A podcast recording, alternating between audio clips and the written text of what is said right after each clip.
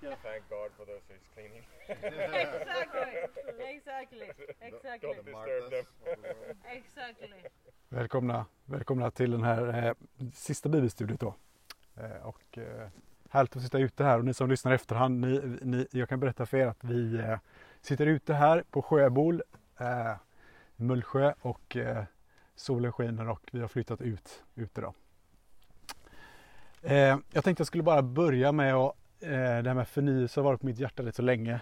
Ehm, jag skulle nog säga flera år men kanske intensifieras de sista alltså, halvåret kanske. Begreppet förnyelse som vi har varit inne på de här dagarna. Och för mig så är det viktigt därför att jag återgår gärna till gamla banor, särskilt i sinnet och sen så blir det vanor i, som blir alltså sekulära om ni förstår vad jag menar. Eh, alltså man tänker egentligen inte alls på Guds rike under liksom dagarna. Eh, eller om du gör det hela dagen så är det kanske rätt ovanligt men jag tänker att man, man gör inte det och det betyder att man kommer ur hela tiden. Eh, man kommer ur spår så att säga. Och det är verkligen inte, tror jag, vår, vi är inte designade att någonsin vara ur spår och när vi kommer helt i spår, det är först när vi kommer hem till himlen tror jag. Men Gud har gett oss en idé som vi kan förkroppsliga och det förkroppsligas genom att anden är närmare än vad vi någonsin tror. Så som jag sa första dagen, han är, han är vår inre trädgård som vi bara hela tiden kan återvända till. Eh, och det är nästan som att det har blivit en förlorad kunskap att vi faktiskt har eh, gemenskap med Gud varenda sekund. Vi kan återgå till det hela tiden. Och det blir som ett mantra som vi kristna kristna gärna vill, vill prata om. Men jag är väldigt intresserad av verklighet, inte så mycket om nu ska, vi, ska jag tänka på den här idén, ska jag tänka på den här idén och så ska jag tänka på den och sen efter det så, så ska det bara hända någonting magiskt. Eh, jag tror snarare att Gud jämt förnyar sitt folk hela tiden. Alltså vi, lite som Joel pratade om häromdagen, att leva i förnyelse, i reformation. Därför att vi är tyvärr fortfarande syndare och därför vi behöver vara, bli förnyade. Så vi återgår till, ett, till, oftast i alla fall, min erfarenhet är att återgå till en plats jag inte vill vara på och enda chansen att leva mera så som Gud har gjort oss till eh, är att vi lever i ett, liv i gemenskap med Gud genom att bli förnyade. Och då är det inte en gång så här som, som en del undervisning säger att man får en, en eh, ett tillfälle då det, då det händer utan Gud, jag tror och jag vill läsa ut i Bibeln att vi är tänkta till att bli ständigt förnyade, ständigt förnyade. Hur då? Så vill jag bara genom Petrus berättelse idag svara på lite grann hur det här går till. Hur, hur, hur blir vi förnyade? Hur blir det inte bara en idé som stannar vid en idé utan blir någonting som får kött och blod, någonting som blir verklighet. För jag längtar i alla fall, hoppas att du också gör det, efter mer av verklighet. Mer av det som Gud eh, visar oss i sitt ord av vad han vill för sitt folk och, för, och bygga sitt rike i, i den här världen. Så det är bara att inse att vi är mer sekulariserade, eller du kanske inte är, jag är mer sekulariserad än vad jag någonsin vill, vill, eh, vill erkänna. Och det är därför jag behöver bli återigen hela tiden förnyad förnyad av anden. Så när vi går in i Petrus här så är Petrus, eh, alltså han är ju, de flesta av er känner kanske till honom, men jag vill bara göra en liten recap lite grann på Petrus liv. Han har ju, eh, han har ju hängt med Jesus under tre år. Har varit med på antagligen varenda eh, liksom, timma. Alltså det, han verkar vara med på allt i stort sett, Petrus. Eh, han har varit med om topparna, han har varit med om dalarna. Eh, men när han är väl med inne i gänget så, så är han till och med en av de här tre som är närmst Jesus. Man kan tänka sig att den här personen vore den som kanske skulle, hade varit minst risk för att, som ni vet, eh, förneka Jesus på eh, Eh, eh, efter, efter eh, när han blev fängslad Jesus. Man kan tänka sig att han, vore, han och Johannes borde nästan vara de snubbarna som hade mest koll för att de hade varit på förklaringsberget Förklaringsberget var alltså när Jesus tog med eh, eh, tre av sina lärjungar till de närmsta, där Petrus var en av dem, upp på, på, på ett berg och så där uppe så förvandlades Jesus till så som han verkligen är i det han var före, det han var på jorden och det han kommer vara efter. Då fick hon se honom, man har fått sett under som Jesus har gjort. Han har fått, han har fått sett eh, Jesus gå på vattnet, han har själv gått på vattnet och sen börjat sjunka. Eh, han har sett allt det här, han har varit med om det, han har varit där inne. Han har bekänt till och med att Messias, det är du som är Messias. Ingen annan kunde riktigt veta vem han var, men han fick säga orden du är Guds Messias. Han har också haft sina dalar där han har försökt tillrättavisa Jesus. Du ska väl inte behöva dö på ett kors. Det är inte din väg. Mest fel blir det ju längre vi läser om Petrus berättelse i, eller, i evangelierna när vi, när vi pratar om Petrus. Allt går verkligen fel när Eh, börjar egentligen gå fel i Getsemane. Jesus säger stanna här, eh, be med mig, han misslyckas. Eh, I den tuffaste andliga kampen någonsin så når han inte upp till det som Jesus ber honom om. Bara stanna och vara med mig. Du behöver inte ens be, bara häng med mig liksom. Eh, när vakterna kommer så hugger han av ett öra av, av en av de som ska fängsla, fängsla honom. Allt blir fel från och med de här den här tiden. De sista dygnen är antagligen de värsta i eh, Petrus liv. Eh, det slutade i en sorts crescendo när han förnekar Jesus tre gånger. Det som inte var idén, det som inte var, det var inte hans, det var inte hans väg, det var inte Petrus väg att han skulle göra så här. Det var inte det att han var predestinerad att förneka Jesus utan han eh, gjorde det tyvärr. Eh, och han sa till och med Nej, jag känner inte den mannen. Jag, jag, jag vill inte ha med honom att göra. Jag är inte en del av den här rörelsen. Jag avsäger mig det här. Petrus kommer till en väldig dalgång kan man säga i sitt liv. Eh, I den mörkaste platsen kanske. Där han inte vill kännas vid sin identitet som han har fått av Kristus.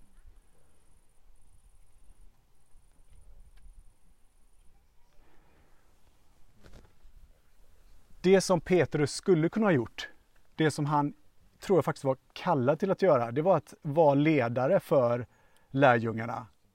Jesus hade ju satt på, på, på dig, på din bekännelse ska jag bygga resten av kyrkan. Han hade gett det här uppdraget till Petrus redan. Men Petrus, och, och, och om han hade följt det, så hade han varit den personen som hade stått upp och sagt nu litar vi på det som Jesus sagt, nu går vi och, och hänger i någonstans och så väntar vi på att han ska uppstå. Och sen ska vi få uppdrag och vi ska bli klädda med helig ande och vi ska, få, vi ska göra allt det som vi tanken att vi skulle göra så som Jesus sagt innan. Men Petrus eh, har bara, tror jag, i det här läget, i hans mörkaste plats, bara tomhet kvar och krossade förhoppningar. Messias, han hade alltså en bild av, det här är väldigt viktigt, jag kommer återkomma till det, men han hade en felaktig gudsbild, han har en felaktig bild av vem Jesus var. Eh, vi kan tänka så här, ja men han bekände ju att han var Messias. Alla på den här tiden i Israel tänkte att Messias var en krigar-Messias som skulle slänga ut romarna. Eh, inte en kung på en åsna som skulle komma i ödmjukhet. Och verkligen inte en kung, alltså Gud själv, som skulle dö på ett kors. Det mest förnedrande av alla sätt att dö. Ingen hade tänkt sig att Messias skulle vara så och inte heller Petrus. Han levde kvar i en felaktig bild av vem Gud var och vem Jesus var. Och Jag tror att det är rätt så viktigt att förstå att det inte handlar om att Petrus tog sig i kragen. Att han gjorde eh, lite bra grejer, att han gjorde någonting som visade på att det var genom att han agerade på rätt sätt så blev det rätt alldeles strax i berättelsen.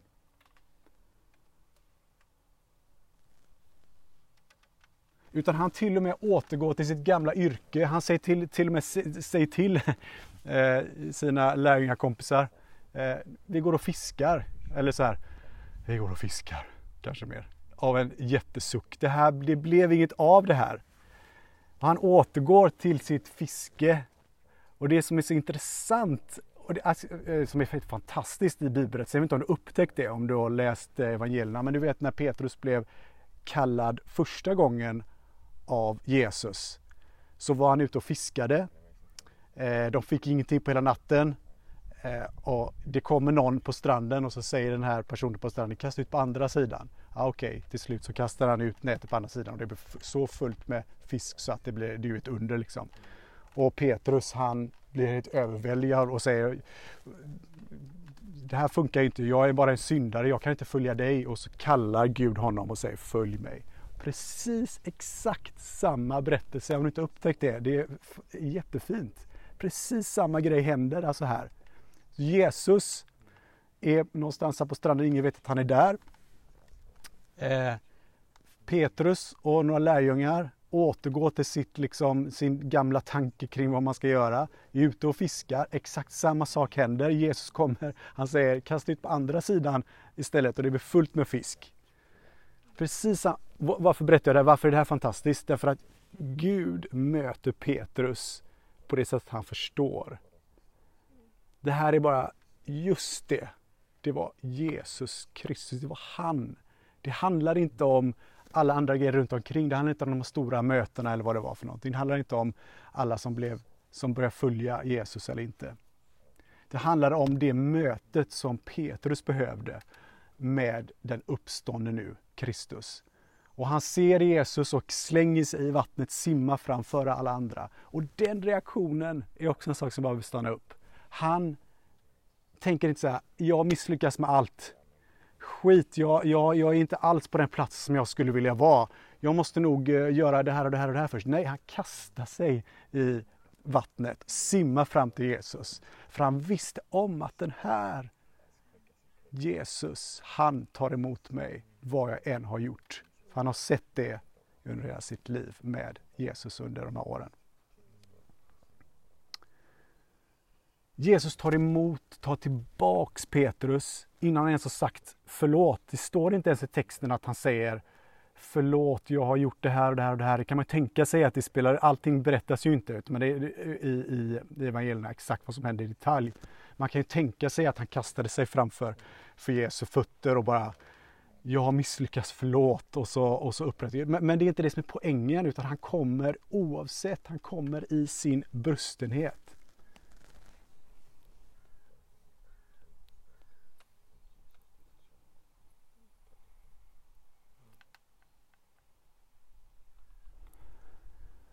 Så älskar jag också hur naturlig Jesus är. Alltså han är uppstånden i, ni vet, han, är, han, är, han är i det läget där, där man eh, liksom lägger sig ner framför hans fötter egentligen. Han är uppstånden kung.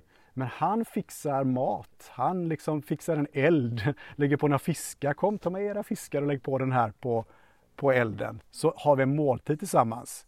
Och så, ah, så står det där lärjungarna förstår att det är det var han och de blev påminda om vad det handlar om.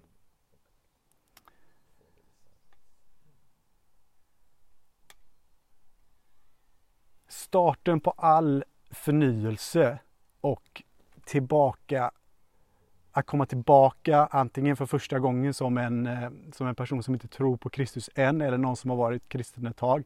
Allting när man kommer tillbaks, all kärnan i förnyelsen är möte med den här uppståndne, enkla Jesus Kristus. Han är uppstånden kung, han är skaparen av universum, men han är där och fixar fisk till sina lärjungar. Han sätter igång elden. Det är på hans initiativ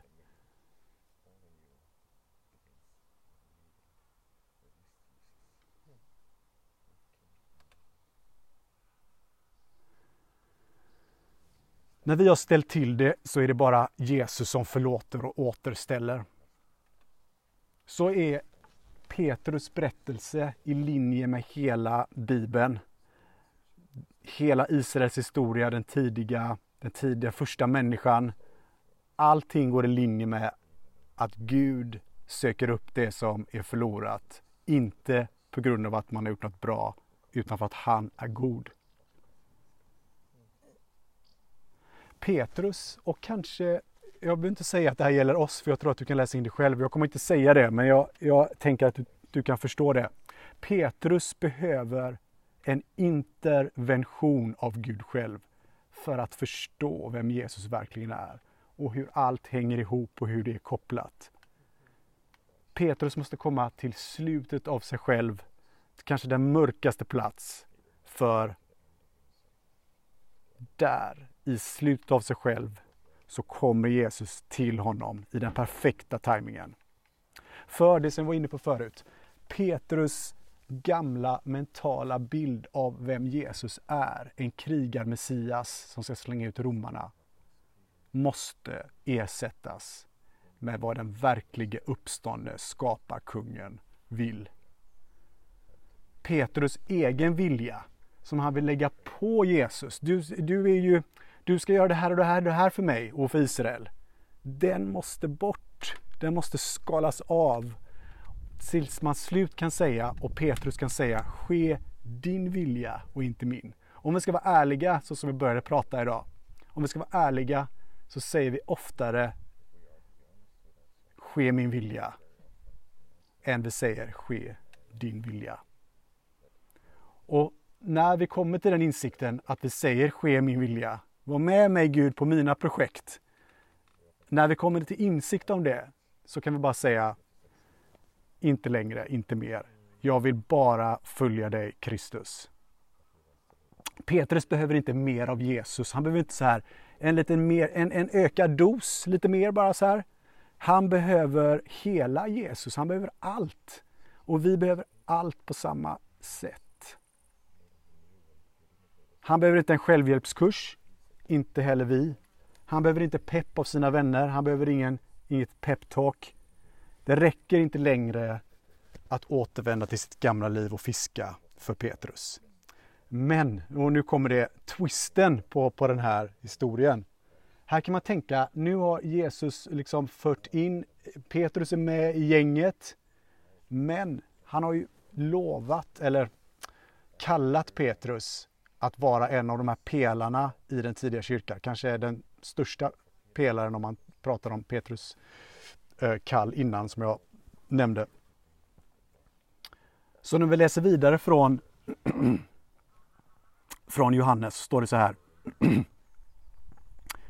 när de hade ätit färdigt, alltså den här fiskmåltiden som Jesus hade gjort ordning, så sa Jesus till Petrus, Simon Johannes son, älskar du mig mer än de andra? Han svarade, ja herre, du vet att jag har dig kär. Jesus sa till honom, för mina lamm på bete. För andra gången frågade Jesus, Simon Johannes son, älskar du mig? Han svarade, Ja, Herre, du vet att jag har dig kär. Jesus sa då, för var en herde för mina får. För tredje gången sa han, Simon Johannes son, har du mig kär? Petrus blev nu bedrövad när Jesus för tredje gången frågade, har du mig kär? Och han svarade, Herre, du vet ju allt. Du vet att jag har dig kär. Jesus sa, för mina får på bete. Och så säger han, jag säger det sanningen. När du var yngre spände du själv bältet om dig och gick vad du ville. Men när du blir äldre ska du sträcka ut dina händer och en annan ska spänna bältet om dig och leda dit, di, dig dit du inte vill. Detta sa han för att ange med vilken död Petrus skulle förhärliga Gud. Sedan sa han till honom, följ mig. Petrus är innan Jesus säger detta accepterad, men här får han ett återställt uppdrag. Hans uppdrag blir förnyat återigen. Jesus är inte klar med Petrus än. Den här berättelsen visar den andra vågen som kommer. När Jesus frågar älskar du mig Petrus? Så handlar det inte bara om det gör du väl? Utan det här är hela centrum kring vår relation till den uppståndne Kristus. Att allt handlar om den kärleksdans som Gud drar oss in i.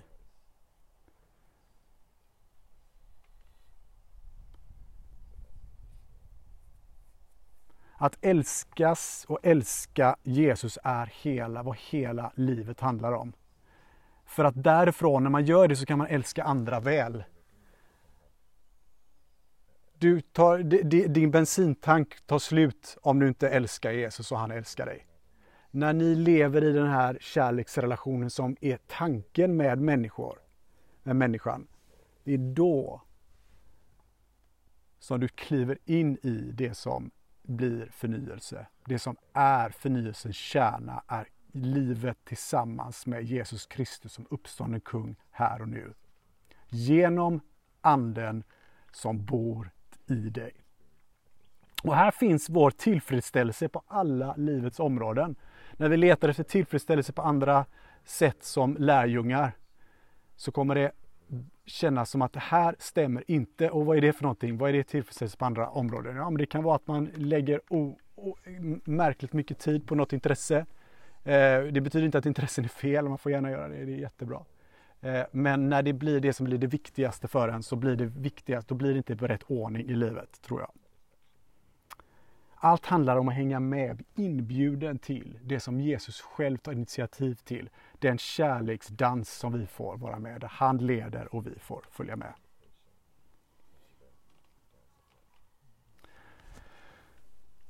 Så jag vill bara avsluta med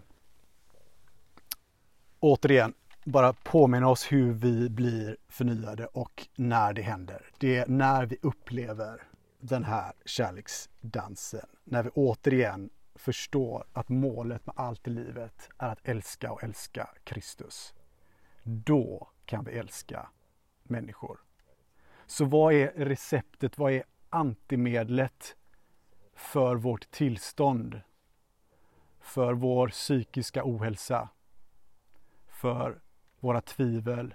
För våra småfall som vi gör, även om vi inte gör så stora saker som Petrus kanske gjorde, att förneka Kristus så gör vi små liknande fall. Vad är, hur blir vi förnyade? Jesus, Jesus, Jesus. Det är bara han som förnyar. Det är bara den relationen som vi har till honom som räknas. Så om vi undrar vad svaret är på livets varenda fråga så är det bara Jesus. Amen.